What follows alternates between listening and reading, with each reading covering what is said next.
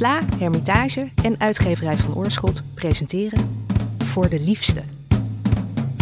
In deze podcast reageren vijf schrijvers op een liefdesverhaal uit de Russische literatuur, waarna ze in gesprek gaan met Ellen Dekvies.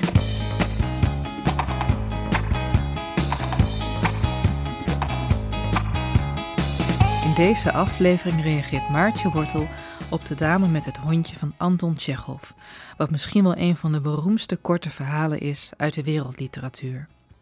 De dame met het hondje werd gepubliceerd in 1899 en opent op de Krim, in het stadje Yalta dat vanwege zijn aangename klimaat populair is als kuuroord. De veertiger Dimitri Gurov, een bankmedewerker uit Moskou, gaat er graag naartoe. Dimitri zit gevangen in een ongelukkig huwelijk dat hij al jaren weet te compenseren door op gezette tijden een affaire te beleven. En op Yalta ontmoet hij de dame met het hondje, de jonge Anna. Ze worden geliefden, beleven enkele heerlijke weken, ook al heeft Anna het moeilijk met het overspel. Dimitri probeert te genieten van het moment en gaat ervan uit dat hun relatie, net zoals al zijn affaires, van voorbijgaande aard is. Dan krijgt Anna bericht dat haar man een oogkwaal heeft. Ze keert terug naar huis. Dimitri gaat op zijn beurt terug naar Moskou. Hij duikt weer in het stadsleven, ervan overtuigd dat hij Anna snel zal vergeten, maar schrikt als hij ontdekt dat hij haar niet kan loslaten. Het leven van alle dag komt hem opeens geforceerd voor, alsof het een denkmantel is voor het geheime, oprechte gevoelsleven eronder, waarvoor er in de strenge 19e-eeuwse Russische samenleving gewoonweg geen plek is. Wanneer ze elkaar weer zien, bekent Anna dat ze hem niet kan vergeten. Wanneer ze alleen zijn en Dimitri naar haar toe gaat om haar te omhelzen, ziet hij opeens in de spiegel hoe oud hij is geworden en, zoals hij zelf zegt, hoe lelijk. Hoe het leven voorbij gegaan is, terwijl hij maar probeerde om in de pas te lopen. Ze verklaren elkaar de liefde en overleggen hoe ze een eigen bestaan kunnen hebben, samen. Tsjechov besluit het verhaal met de beroemde slotzin. En het kwam hem voor dat heel binnenkort de oplossing gevonden zou zijn en dat het dan een nieuw, prachtig leven zou aanbreken. En beide was het duidelijk dat het einde nog lang niet in zicht was en dat het allermoeilijkste en lastigste nog maar net begon.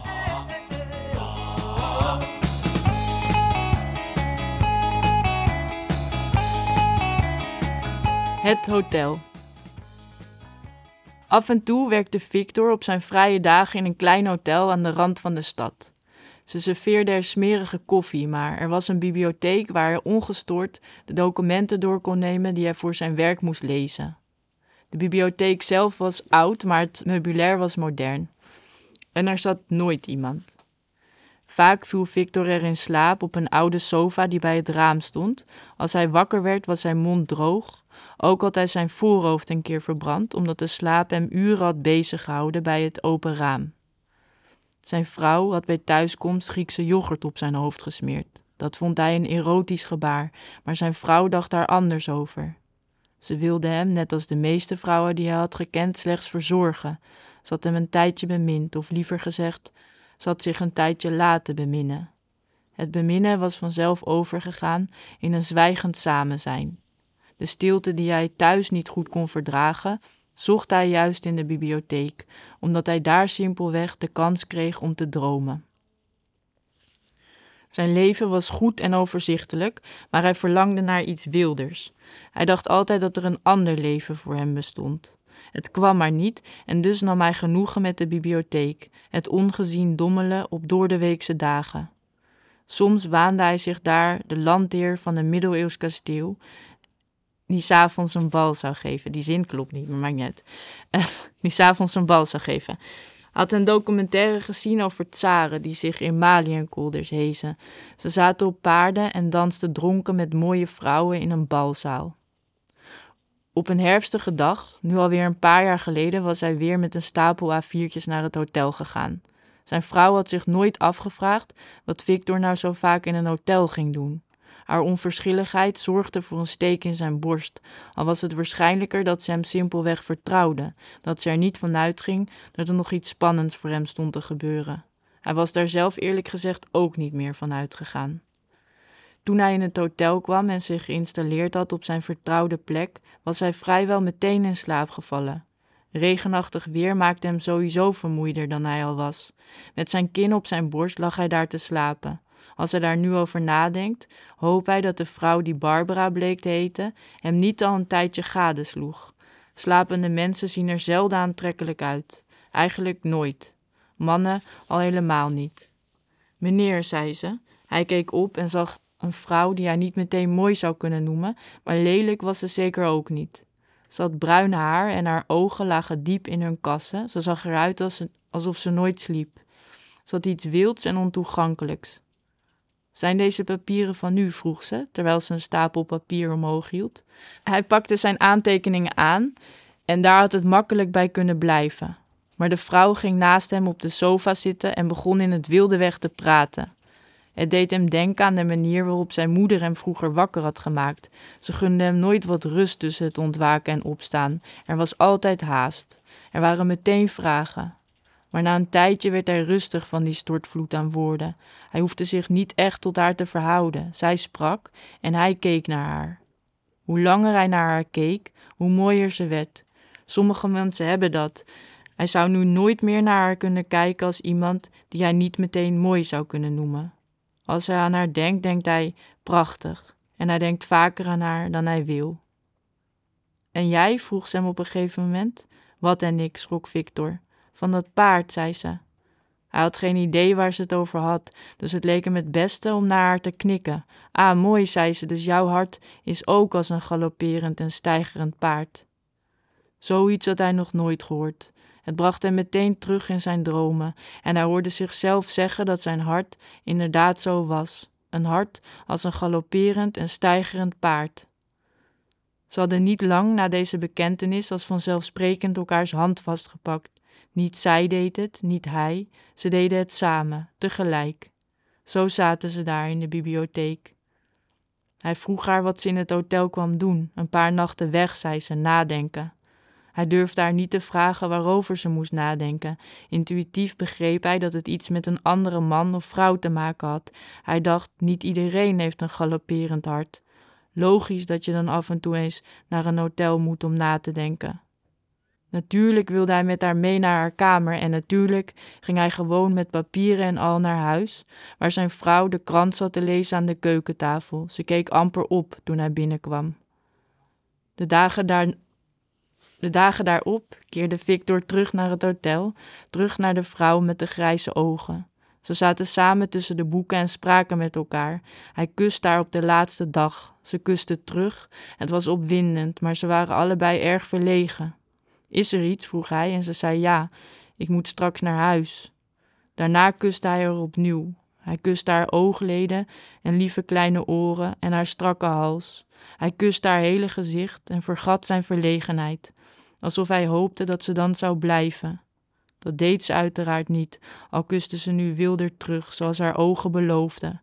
Die dagen in het hotel zijn nu een paar jaar geleden. Nog altijd droomt Victor een paar keer per week van paarden. Maar er zal niemand meer zijn die hem wakker roept.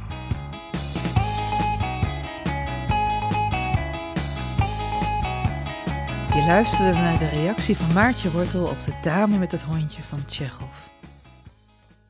Maartje, welkom. Dankjewel Ellen. Ik wilde al zeggen dat de samenvatting al heel, heel mooi is. En dat is jouw samenvatting van het verhaal van Tsjechov en ik moest alweer bijna huilen. Moest je bijna huilen? Ja, ik, ik vind het heel, ik vind het zo mooi als het zo'n... Dat is ook meteen zo knap aan Tsjechov en aan korte verhalen überhaupt. Dat je gewoon zo'n heel leven waar je helemaal in kunt en wat je helemaal voor kunt stellen en in kunt leven om zo'n kort, zeg maar, jouw samenvatting is denk ik 500 woorden. Ja. En je voelt helemaal die pijn van hoe de tijd voorbij gaat en hoe je liefde kunt voelen en elkaar wel en toch niet kunt bereiken. En zo, dat zit er meteen helemaal in. Dat is zo knap. Dat is natuurlijk ook Tsjechov die dat, die dat kan en doet. Maar daar moet ik dan meteen bijna om huilen, omdat het meteen invoelbaar is.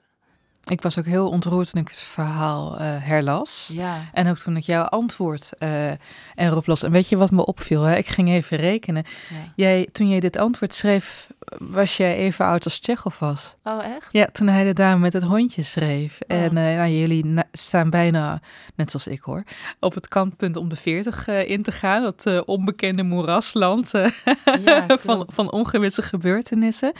Maar ook, en dat las ik misschien, misschien overinterpreteer ik wel, hè, dat las ik ook in jouw verhaal, een fase waarin je verlangt naar iets anders. Een soort oprechtheid misschien, of zoals jouw hoofdpersoon een wild avontuurlijk iets. Ja, je bedoelt dat ik, of ik dat persoonlijk verlang of als schrijver? Of... Ik denk, nou, uh, in ieder geval laat je het personage uh, verlangen. Ja.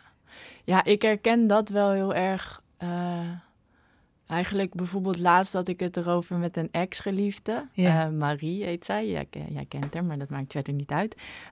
en zij, zij zei over treinen gesproken, die heel vaak terugkomen in de Russische literatuur. Ja. En dat er heel dramatisch iemand verdwijnt weer Ja. in een trein. En dan Of nog een laatste. onderkomt. Ja, of eronder komt, maar dan nog een laatste kus krijgt uh, voordat, voordat ze elkaar nooit meer zien. Dat zit ook een paar keer in, het, in de bundel uh, voor de liefste. Uh, maar Marie zei op een gegeven moment tegen mij: Ja, volgens mij wil jij ook helemaal geen liefde, want je stapt gewoon op een trein zonder dat je weet waar je naartoe gaat. Mm. Dus misschien moet je. Nou, in ieder geval, toen ze dat zei, schrok ik heel erg. Ja, je bent acht jaar met haar samen geweest. Ja, klopt. Dat en, doet pijn. nou, ze had het niet per se over onze relatie, maar omdat, het, omdat ze steeds merkte dat ik heel erg aan het klooien ben altijd in de liefde. Uh, en, en ze dacht op een gegeven moment, ja, wat is jouw eigen rol hierin? Wat natuurlijk een niet onbelangrijke vraag is. Uh, en, en, en daar dacht ik over na, toen ze dat zei van, ah, je stapt zomaar op een trein zonder te weten waar je naartoe gaat en dat vind je prima. Dus moet je ook niet zeuren dat het niet lukt. Dacht ik, ja, daar zegt ze me wat, want uh, dat, dat wil ik ook niet meer. Dus dat voel je misschien hier uit of uit het verhaal, omdat ik daardoor wel ben gaan reflecteren van, wat wil ik eigenlijk? En ik ben misschien simpelweg, en dat klinkt een beetje pathetisch ook meteen, maar bang om op een trein te stappen en te weten, daar wil ik naartoe. Want wat is daar? Snap je? En als ik al niet weet wat daar is, vind ik het makkelijker. En dan kan ik terug en dan... Maar dus, niet en, weten is ook een keuze. Dat, dat is het tot nu toe ook geweest. Maar Ja. dat is dus de verandering die je voelt. Dat ik nu voel van ja, ik wil eigenlijk nu gewoon wel die rust of zo. Ja. Uh, en dan ondertussen natuurlijk niet rust op een manier uh, dat er niet een avontuur uh, in, in, zit. Want dat is, dat hoop je altijd van de liefde natuurlijk. Dat er, dat er uiteraard, dat het, je, dat het je alle kanten op gooit en dat je erdoor groeit en dat het je prikkelt. En zo. Het is niet dat je dan heel saai uh, weet, oh daar gaat de trein naartoe en uh, ik heb het allemaal al gelezen in een boekje hoe het daar zal zijn. Maar uh, ik, ik heb daar wel behoefte aan, ja. Ik, ik, heb het, ik heb heel lang zelf de liefde als antidepressivum gebruikt. En ook als een sleur doorbreker. En wat mij zowel trof in jouw verhaal als in dat verhaal van Tsjechov... is dat liefde hier een kleine goedmaker is... voor een leven dat een beetje doodgelopen is. Ja. ja, het is ook vaak natuurlijk... het leven is zo breed en dat hele zoeken naar dat er dan iemand is die dat ook begrijpt of die de vreedheid van jouw leven deelt of zo. Want natuurlijk delen we dit allemaal, want iedereen leeft. Maar dat, de, dat hele, dat moment dat je zo heel even voelt, maar we zijn, wij, doen dit, wij, hebben dit, wij doen dit samen. En dat je dan tegelijkertijd ook weet dat je dat weer gaat verliezen, waardoor het nog vreder wordt eigenlijk. Dat, dat je wel kan helpen om te voelen dat je, dat, dat je niet dat je dat niet alleen hoeft te doen. En tegelijkertijd zit er altijd juist de overtreffende trap van pijn in verborgen. Want uiteindelijk raak je ook dat weer kwijt. Nou ja, als je kijkt naar het einde van het verhaal van Tsjechov, uh, hij en zijn geliefde Anna willen ervoor gaan. Ja. Het is ook heel veelzij, veelzeggend. Een kort verhaal is natuurlijk ook gewoon de kunst van het op tijd afbreken. Dat je geen idee hebt hoe het afloopt. Maar ja. je weet op basis van die tekst al wel. Het is de 19e eeuw in Rusland. Het is eigenlijk normaal dat je een geheim privéleven hebt onder het leven van alle dag. Dus je weet dat het verdomd lastig uh, gaat worden. Ja. Het is het leven, het, het sociaal wenselijke leven natuurlijk ten opzichte van het emotioneel wenselijke leeftijd. Ja. Dus dat hierbij tegenover elkaar. Ehm, ho- hoe oud, want, want ik neem aan, kijk, je bent natuurlijk eh, ook een lezer, hè, Ja. de pur sang. Eh, hoe oud was je toen je voor het eerst Tsjechov las? Ehm, dat, ik, wa- ik was best al oud. Ik de, eh, ja, het is niet zo dat ik zei, nou ja, ik was 18. en ik- ja. ja, nee, ja, of ik was misschien trouwens wel 18, wat ook al best oud is. Ja, dat is oud. Ja. en ik heb nu eh, bijna alles van, van hem gelezen en, en ook zijn toneelstukken en zo. En, en ik zeg ook altijd, ja, als ik één schrijver moet kiezen die meeneem naar een, naar een onbewoond eiland, dan zijn het de korte, of één boek, dan zijn het de korte verhalen van Tsjechov. Omdat zelfs in dit verhaal, dit verhaal heb ik nu zes keer gelezen of zo, wat wel, wat wel meevalt, maar dan iedere keer opnieuw. En dat is zo knap, zie je eh, een, een nieuwe laag. Of wat jij net zegt van mij, wij zijn nu bijna 40, dus je eigen leven verandert. En zo verandert ook je leeservaring. En als een verhaal niet goed genoeg is, verandert je leeservaring niet. Dan kan je het weer Mm. plakken op eh, het moment dat je 20 was. En nu verandert weer, zeg maar, ik vind het dan steeds mooier worden of zo, hoe ouder ik zelf word. Omdat je natuurlijk ook zelf steeds meer verliest of steeds meer snapt of niet snapt over de liefde of hoe dat voor jezelf werkt. Eh, dus dat verhaal krijgt automatisch door, eh, en eigenlijk alle verhalen van Tsjechov, eh, krijgt automatisch door levenservaring eh, nog meer diepgang. En iedere keer opnieuw kan je er iets nieuws uithalen. Dat is inter- wa- wa- Want kan jij nog herinneren wat je bij de eerste keren dat je dit verhaal las, wat je toen ervan meenam? Ja, toen irriteerde het me bijvoorbeeld heel Oh. erg. Als Oh. in het verhaal zelf irriteerde me niet. nee. Maar toen, nu ervaar ik een soort verdriet bij dit verhaal. Of eh, een, een hulpeloosheid en hopeloosheid. Mhm.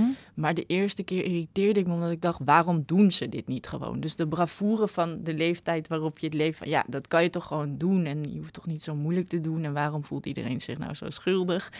Go for it, zeg maar. Dat, en nu zie, en dat, dat was ook een emotie waardoor het verhaal mooi was. Want het, eh, ik weet niet of je dat kent. Ik heb dat zelfs als ik naar schaatsers kijk bijvoorbeeld. Ja. Dan wil ik ze vooruit duwen met mijn vinger. Gewoon Oh ja, harder, ja, harder. zeker. Ja, ja, ja, gewoon heb op het ook. scherm. Ja. Eh, en dat, dat heb je soms ook met een verhaal. Dat je, ik wil ingrijpen in dit verhaal, want zo mag het niet aflopen. En dat is natuurlijk überhaupt heel knap als een schrijver dat weet te bewerkstelligen. Dat je wil ingrijpen in het verhaal, omdat je weet, dit gaat onvermijdelijk verkeerd. En dat is ook eh, daarin weer wat het leven is. En je wil ook niet dat je leven onvermijdelijk verkeerd gaat. En dat gaat ook onvermijdelijk verkeerd. Dus het- het- het- dat, dat vind ik heel knap aan. Je wordt totaal geconfronteerd met je eigen manier van, van denken, kijken, voelen, eh, leven, liefhebben. eh keer op keer op keer bij Tsjechov. En, eh, en, Maar- en nu is dat dus veranderd in, in mededogen, denk ik. Of, Dat is grappig, dat je, want ik had het dus toen ik jouw verhaal las. Ja. En jouw verhaal eindigt. Ja, jouw, jouw hoofdpersoon is iemand die het leven nogmaals alleen maar overkomt. Eh, Ja. Weet je wel, Eh, de, de liefde is ook een eh, externe variabele die als een grote praatzieke wolk op hem wordt uitgestort. ja. Op een gegeven moment verliest hij die liefde ook. En haast als een soort Oblomov blijft hij maar weer zitten in het hoekje tot er, wie weet, iets anders aankomt. Daarmee heb je ook eigenlijk haast een, een heel verdrietig iets gezegd over dit type mens. Ja, nou, ik heb eigenlijk daarin ook, dan vraag ik me heel vaak af of dit juist. Want jij, jij schetst het nu zo als een soort Oblomov, maar ik, ik heb dan wel mededogen voor zo iemand, omdat Ja. ik denk, ja, ik kan ook niet veel anders. Of zelfs ook in het verhaal eh, van Tsjechov, dat je Gurov hebt die dan denkt van dit gaat wel weer over en het gaat Ja. niet over. En dat is, daar zit ook een heel grote vorm van liefde in, dat je elkaar dan ook weer laat of zo. En dan door het niet te consumeren blijft het natuurlijk ook voor altijd bestaan. Dus het kan ook een soort droom naleven zijn. Eh, maar ik vraag, me wel, ik vraag me wel natuurlijk, net als iedereen, heel vaak af wat mensen nou met elkaar doen. En aan de andere kant moet je dat gewoon doen. En als je dan iets anders overkomt, dan, dan kan het ook eh, juist levenslust geven dat er iemand anders bestaat wat niet heeft kunnen gebeuren. Om door te gaan. Dus ik zie het niet helemaal als totale lethargische. Nee, precies. Je leeft ook een, een deel van je leven is een ongeleefd leven. Ja, totaal. dat je bij andere mensen ziet. En tegelijkertijd geeft jouw beroep als schrijver je het perfecte excuus om inderdaad gewoon lekker destructief op de Ja. trein te stappen. Dat klopt, dat heb ik ook lang gedaan, Ellen. Ja. ik ook hoor, Ja. ik ook. Hey, en, dan, en dan toch de vraag, want je, je bent een fan van, eh van Tsjechov. Eh, waarom dan toch dit verhaal? Je zou ook kunnen zeggen van, ja, dit is iedereen eh, kent dit verhaal. Waar- waarom niet een obscuurder verhaal? Nou ja, daar heb ik over nagedacht. Maar eigenlijk vond ik het. Ik had ook in, het, in het, eh, een ander verhaal gekozen in eerste instantie. Ja, uit de bundel voor de bundel gewoon, Ja? ja. Wel- welke had je gekozen? Het heet geloof ik voor de liefde. De- Connie heeft uiteindelijk... Over de liefde. Over de liefde, ja. Ja, ja, ja. Ehm, de- en dat komt op hetzelfde neer. En ik hou- zelf heel erg van de latere verhalen van, van, van Tsjechov. Want hij heeft natuurlijk eerst weer komische verhalen geschreven. Ja, ja, ja. ja. Ehm, Stoute monniken. ja, en, eh, en hij schreef ook voor van die tijdschriftjes, hè. Voor, eh, ja, eh, literaire bladen van die tijd. literaire bladen die dan een beetje met humor. Maar ik heb dit gekozen omdat ik best wel vaak gesprekken he- heb gehad over dit verhaal. En omdat ik mezelf ook herken in dit verhaal. En omdat bijvoorbeeld, wat ik interessant vind om het in de tijd te plaatsen, is dat eh, het is. Het is een, toch een tijdloos verhaal. Al zei je net van ja, het gaat ook over sociale klassen en Rusland in die tijd. En dat je als vrouw niet los kan komen van het huwelijk. Terwijl ze dat daar allemaal in die hele Russische literatuur hoopt iedereen te drinken en te vrij en vreemd te gaan. Ja. Dus, eh, maar en ik, en, eh, ik had het daar ook over met een vriendin. Ik zal haar naam gewoon even noemen, Ninja Weijers. En zij gaf eh, op een gegeven moment aan de universiteit in Nijmegen vak eh, literatuur. Mhm. En zij, zij, zij belde mij op op een dag en ze zei: Ja, ik vind echt de nieuwe generatie, ik maak me zorgen hierover. Gewoon en op de manier waarop ze leven, en de manier waarop ze schrijven, en de manier waarop ze kijken. Sorry dat ik even dit Nia in haar mond leg, want Ja, dat nee, heeft ze ongetwijfeld anders gezegd. Eh, Maar een nieuwe generatie studenten bedoelt ze. ja, omdat ze vonden dit verhaal een verwerpelijk verhaal. Moreel gezien eh, eh, totaal verkeerd, want ze gingen alle twee vreemd, deze mensen. Dus ze keken niet naar het verhaal, ze keken ook niet naar De mogelijkheden. de mogelijkheden of naar wat literatuur vermag. Of ja, zo. ja. Maar heel erg, ze, ze, keurden, ze keurden de hoofdpersonen af. En dat vind ik sowieso een gevaarlijke Ja. trend, wat een heel ander verhaal is. Maar bijvoorbeeld, dat heb ik ook al vaak gezegd over zo, oh, moet je zo'n boek als Turks fruit veranderen? En eh, eh, welke woorden mag je wel of niet de gebruiken? goddelijke komedie waar ze Mohammed uit de hel hebben gecensureerd. Al eh, dat soort dingen. Ja. En, en dat zegt ook iets wat jij net mooi zei in je introductie of net in het begin van het gesprek. Ik vind het ook gevaarlijk, want het zegt ook iets over de tijd. Dus door te zien hoe mensen, door eigenlijk als schrijvers verhalen schrijven in hoe mensen hebben geleefd in een bepaalde tijd, kan je ook zien hoe de tijd verandert. En als je dat verhaal gaat veranderen, dan wordt alles eh, zo. eh, be- be- ja, ik vind deze tijd vaak heel bekrompen. En er Mhm. zijn heel veel nieuwe taboes. Terwijl we ons eerst volgens mij los hebben kunnen weken van heel veel taboes. En ook als schrijvers of zo, of in de literatuur een bepaalde vrijheid hebben weten te bereiken. En dan, dan schrik ik er ook van dat dan eh, een personage, fictie, eh, af, eh, dat, dat, dat fictiefiguren afgekeurd worden om hun gedrag. Eh, e- even een wilde vraag. Waar komt, heb je enig idee waar dat vandaan zou kunnen komen? Ja, dat is wel dat is een goede vraag. Maar ja, ik denk, ik denk er is nu er is zo'n grote cancelcultuur natuurlijk of zo'n iedereen. Ja, nee, ik, ik weet dat niet goed. Ik heb dat zelf ook totaal niet. Ja, daar loop ik weer achter op de tijd. Want ik heb dat helemaal. Ik voel dat nooit en ik, ik maak me er ook wel zorgen om. Ja, ja. Terwijl als je kijkt eh, naar de Russen, er was Ja. ook wel een cancelcultuur. Ja. eh, van heb ik jou daar. Ja.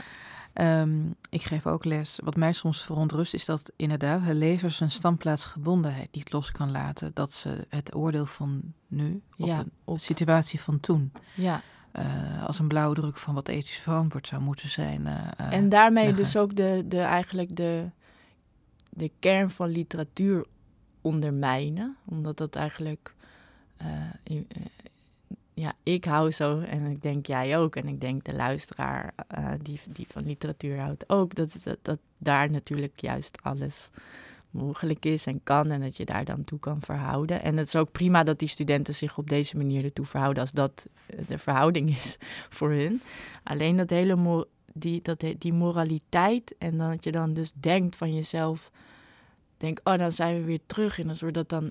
Dat denk ik dan, en wat een vooroordeel is van mij, dat die studenten misschien weer denken dat ze dus binnen een huwelijk zich moeten gaan bewegen. Of binnen een kader of in die, dat, in die structuur moeten blijven. En uh, dat ze niet. Uh, een eigen leven mogen leiden of niet mogen dromen of niet. En dat, dat, vind ik, dat vind ik wel, zou ik ze wel gunnen eigenlijk. Dat zou ik iedereen gunnen om vooral daaruit te breken. Al is het in taal of al is het in, in wat gedroom op, uh, met wat gestaar uit een raam.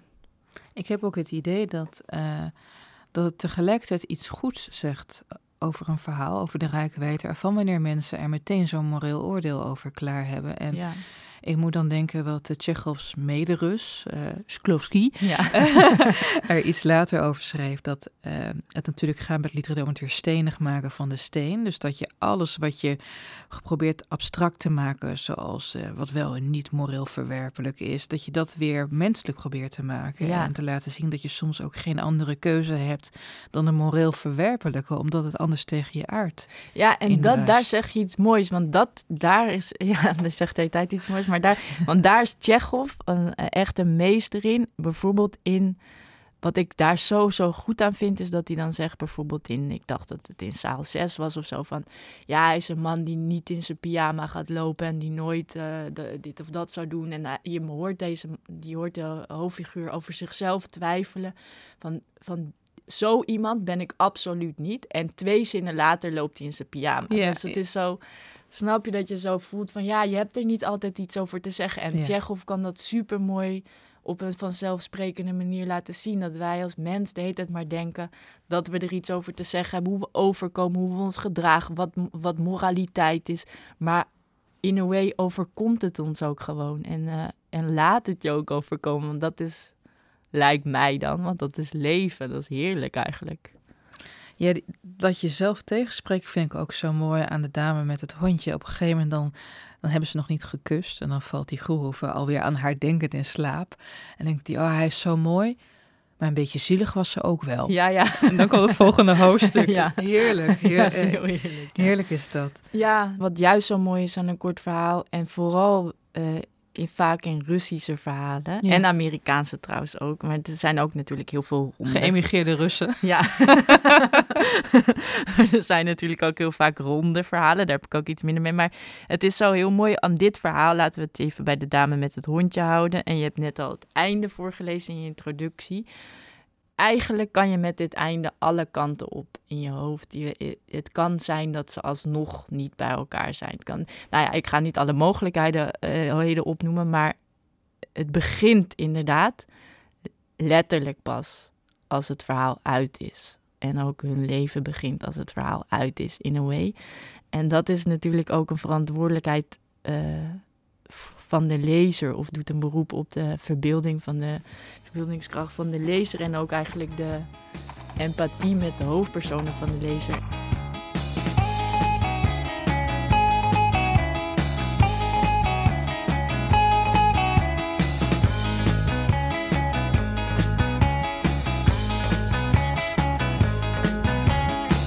Maartje Wortel is een van de grootste literaire talenten van haar generatie. Voor haar debuut Dit is jouw huis ontving ze de Anton Wachterprijs. En met haar vierde roman IJstijd won ze de BNG Literatuurprijs.